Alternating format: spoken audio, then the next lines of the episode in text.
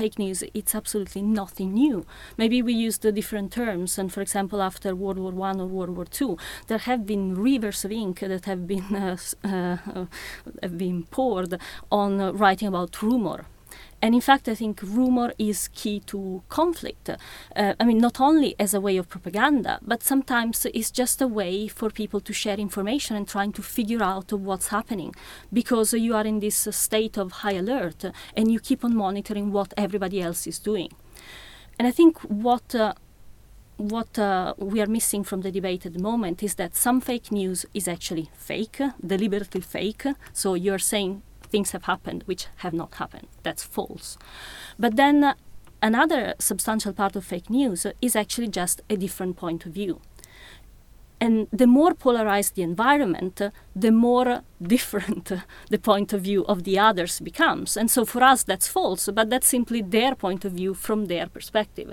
And so I think, uh, um, yeah, there is a lot of debate now about fake news, but we need to be quite careful about what we're saying, and there are a lot of nuances that we need to consider, which I think at the moment are just conflated in this idea everything is false. No, not everything is false. You heard Christine Archetti. She is professor at the Department of Media and Communication, University of Oslo.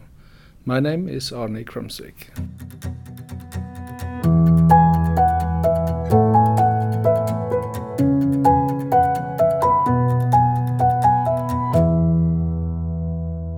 At the beginning, um, the idea was uh, to investigate information operations uh, in uh, in Afghanistan. So that was my initial idea because uh, during my MA I was under the supervisor of um, Professor Philip Taylor, who wrote very much about propaganda, and he was also an expert of military communications.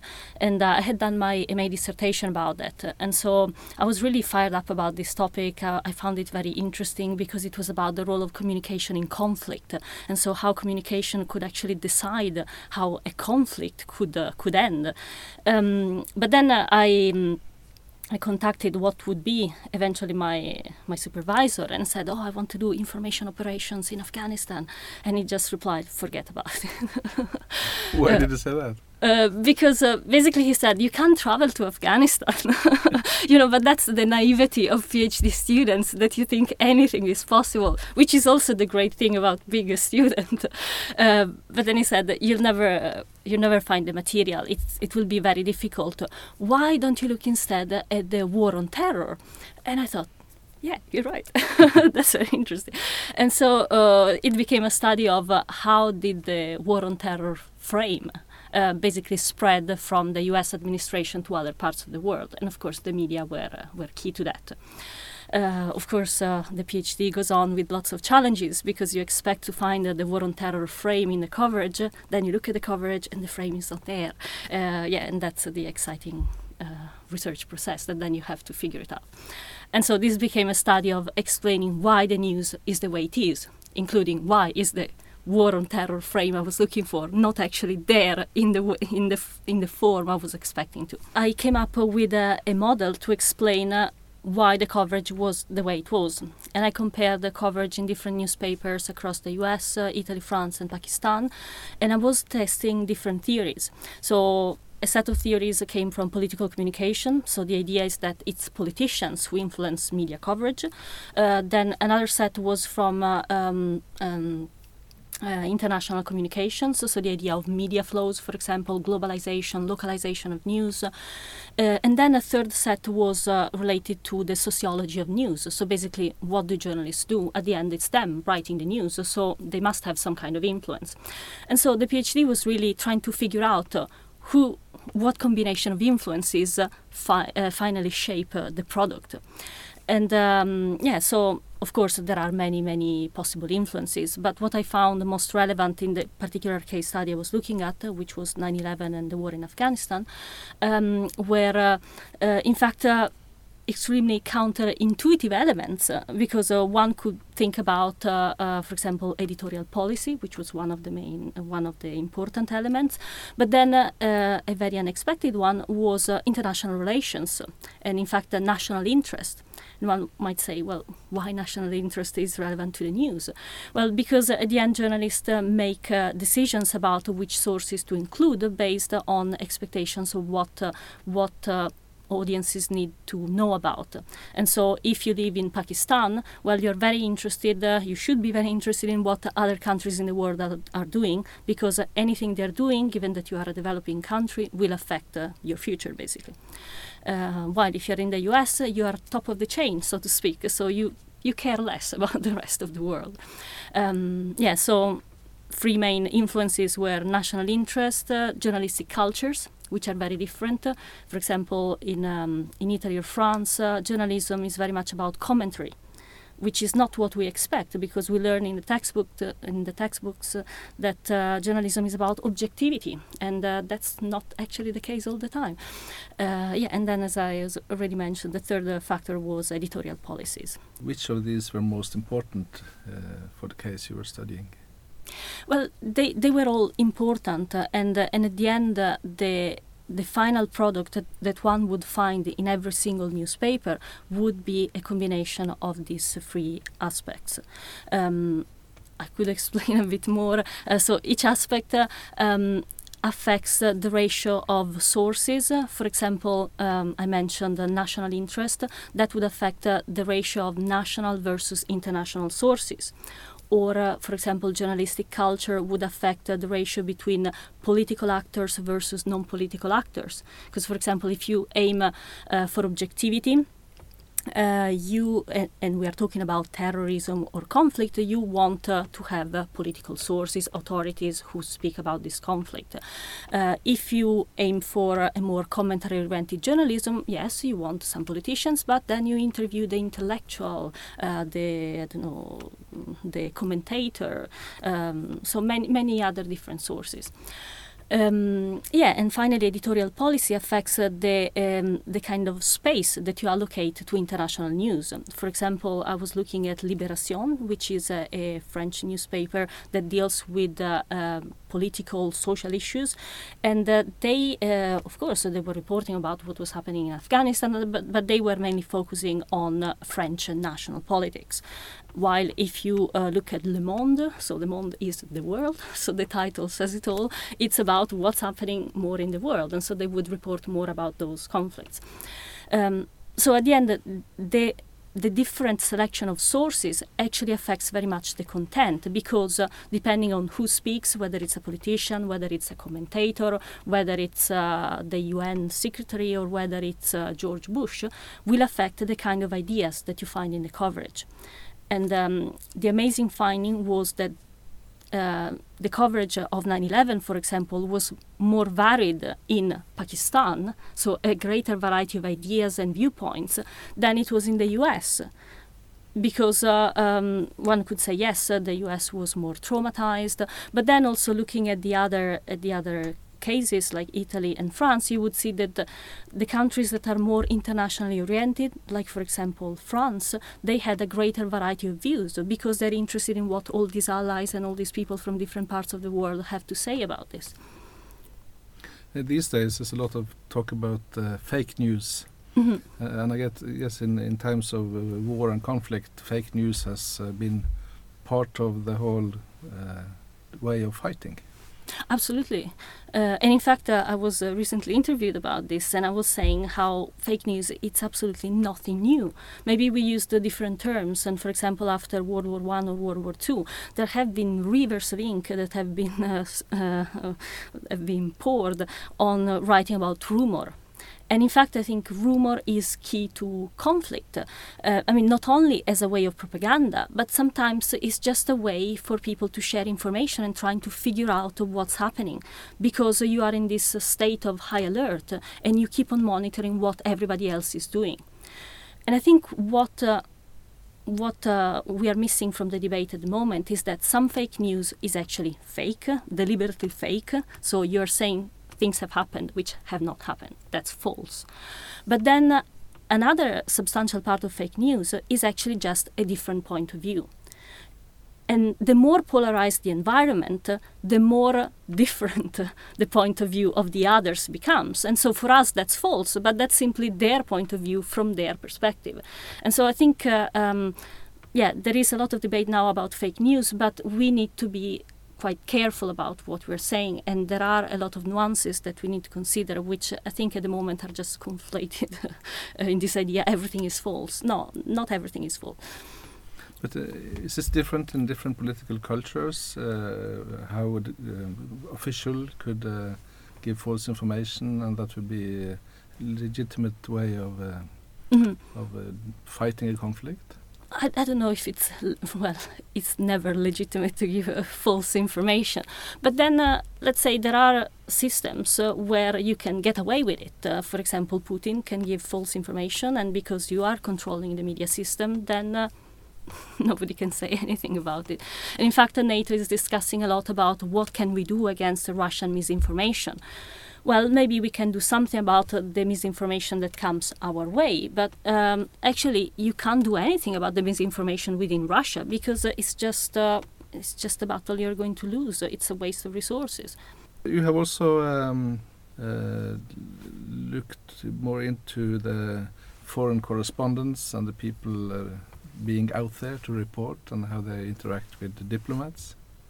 Yes, uh, um, yeah, I, have looked at yeah, both uh, foreign correspondents and diplomats separately. Uh, I've also tried and understand how they interact uh, in the broader in their broader information environments, and so it turns out that foreign diplomats uh, and foreign correspondents actually interact uh, quite a lot uh, with each other. Foreign correspondence is a very interesting um, subject of research, mainly again because there are so many claims about it especially related to the death of foreign correspondents. And uh, and many say oh because we have the internet and now we don't need foreign correspondents anymore because we can just read it on the internet uh, uh, we can simply access the media from other countries. Others say yeah just look at the statistics and the figures all the foreign bureaus are closing down. This means we don't have any more foreign news but then uh, this is absolutely not true uh, because, uh, yes, it's true the foreign bureaus are closing down, but because you don't need the whole office anymore. I mean, in the past, you needed a whole team of people the cameraman, the sound technician, uh, photographer, you name it. Uh, nowadays, uh, one single person can, can do it from their own kitchen. And in fact, that is one of the great challenges of actually finding the correspondence. Because in the past, researchers would just actually look up the address of the office offices on the directory. And nowadays uh, you don't have offices anymore. So uh, yeah you become a sort of investigator trying to locate the correspondence and uh, snowballing from one correspondent give me names of other people give me the contacts. Um, because they are simply under the radar. So they are under the radar, they are still there, and in fact, uh, they are there in greater numbers. So I've had interviews uh, uh, with officials who are actually in charge of supporting uh, foreign correspondents, and they say that, for example, in London, ha- there have never been so many correspondents as now. It is true, however, that uh, the nationality of the correspondents might be different. And again, this relates uh, to what I've mentioned earlier uh, international relations because uh, there might be uh, countries now that are more interested in the politics of the UK and others that are less. For example, um, things might change now with Brexit, but the UK being in the European Union means that, uh, in a way, the politics becomes more predictable. And so you have maybe less correspondence from the rest uh, of the European Union, maybe reporting about politics. However, the monarchy always attracts lots of attention, so you still have lots of tabloids and, uh, and, all these magazines and people who cover the scandals uh, of the monarchy. Yes, so you might have a different selection of correspondence, but there are many, many of them. Yeah, also there is a proliferation of uh, media outlets uh, catering all, all, sorts of different interests of the public. So you don't have the political correspondence uh, anymore as a main cohort, but you have a range uh, of different correspondents. Yeah, also um, I, am interested in the practice of uh, foreign diplomats, particularly. Um, I'm interested in them because uh, they are some kind of uh, information bridge between uh, the country they are stationed in, so the, the abroad, and the home country. And uh, what I'm particularly interested in is uh, um, understanding how do they navigate the information environment, how do they make sense of the politics or whatever happens in the country they're stationed in.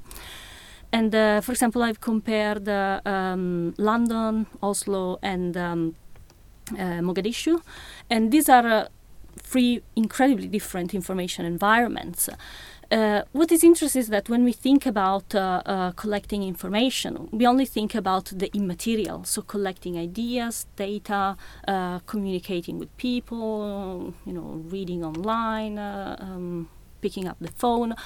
But then uh, what I find more and more, and I found this also with the study of the foreign correspondence, is that uh, the urban environment, materiality actually matters. So even if we think we are in the age of the death of geography, at the end, geography matters. And, and for example, even the kind of contacts that you can have as a diplomat uh, in London or in Oslo are completely different because of the size of the place.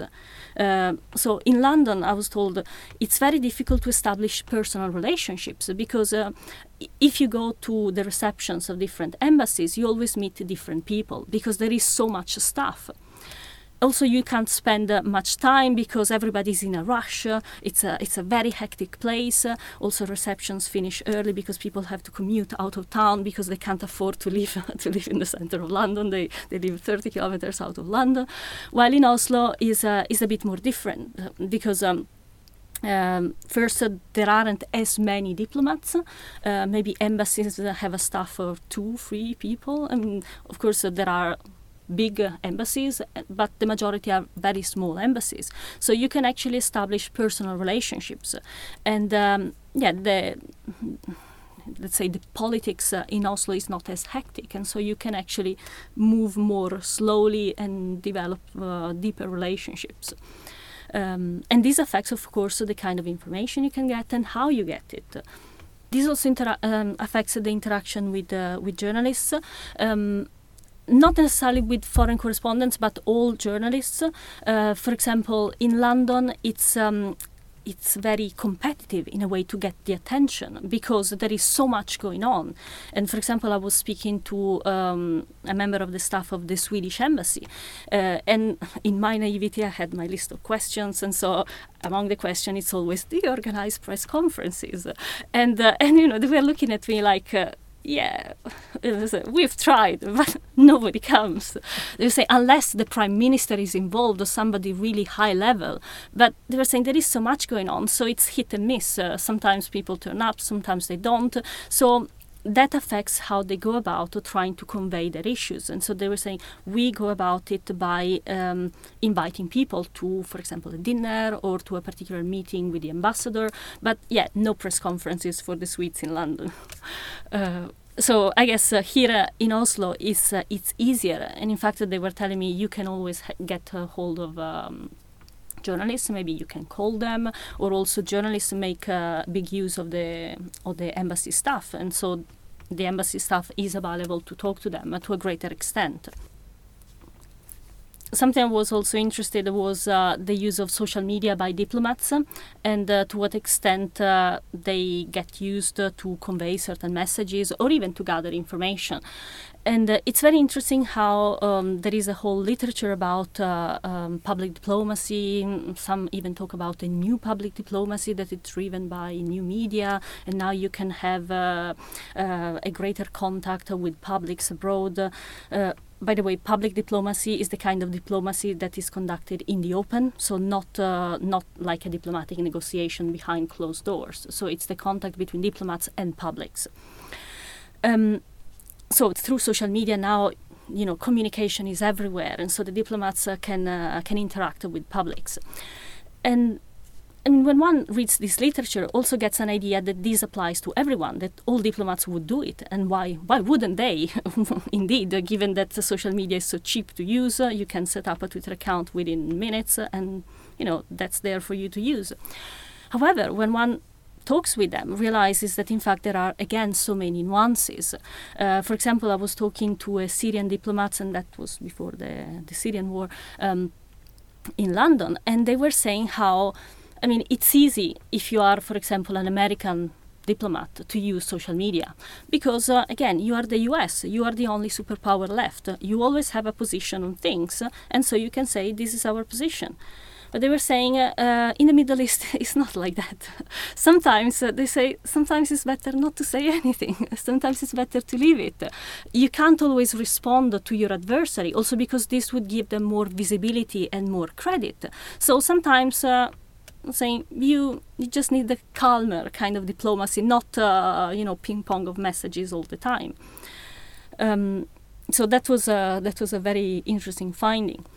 Um, also, for example, experience from Mogadishu that is a conflict environment. It is a dangerous environment uh, if you are uh, an authority, if you are a politician and a diplomat. In fact, uh, there are uh, factions, uh, there are uh, groups that would like, you know, you would be a great target for them as a diplomat. Um, and in fact, um, talking to them, they wouldn't use social media because um, you can be tracked and your location can be spotted and people can turn up and shoot you. And for example, I was given a, a, uh, the example of a Swedish politician. Okay, sorry for mentioning this. It's, it's just the examples I have. it's not intentional. Um, who was visiting from Sweden uh, uh, in Mogadishu, and uh, she's used to tweet all the time uh, when she's in Sweden, and so she was saying, "Oh, I'm here visiting this NGO," and then somebody turned up, uh, and uh, and she was attacked, and you know, luckily she survived and everything, but it could have ended uh, really badly. really dangerous selfies when you have geotagging of the exactly image. yes in conflict areas. So again, we think uh, you know technology use is the same everywhere, but again, uh, geography matter. The environment where you are located totally matters. So the diplomats using social media, do they also have the journalists as their target group, or do they mainly try to talk directly to the public? Uh, of course, uh, they they target journalists uh, because uh, yeah, the public is this very fuzzy concept. But how many people actually follow diplomats on Twitter? So journalists are their main target because, um, in fact, for journalists, social media is such a useful tool for actually following the sources they're interested in, and so.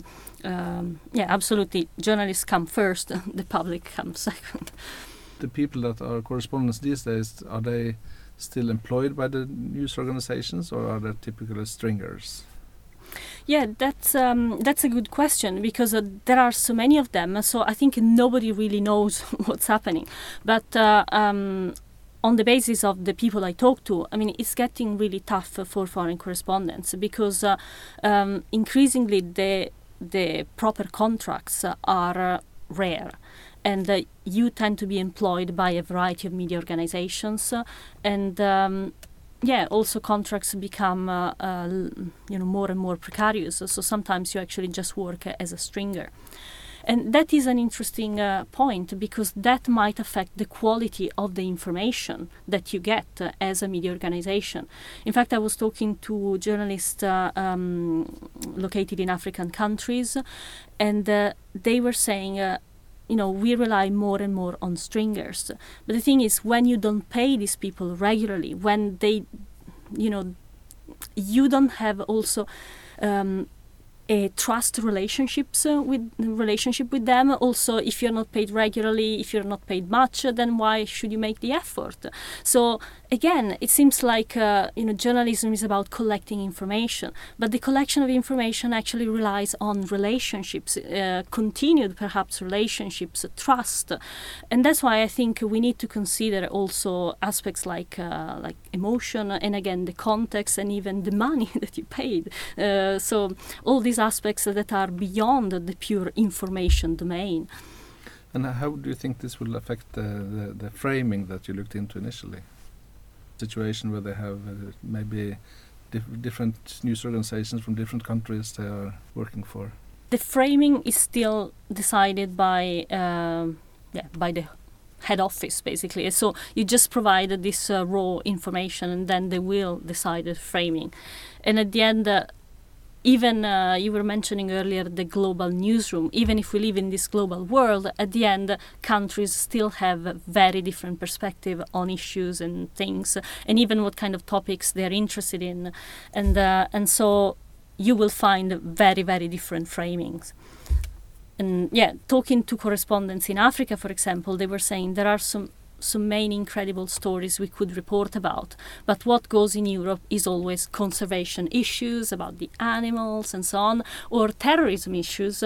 So whenever there is something even remotely related to terrorism, yeah, that's what we're reporting about. But they were saying otherwise, uh, yeah, we feel constrained because uh, there is so much we could talk about, but uh, the ma- the editors of the mainstream media, despite they say, "Oh, we're interested in Africa, is up and coming," and so on, but you know that is not happening. The good thing is that, however, there are a variety of news organizations, even non mainstream, and they are reporting about different stories.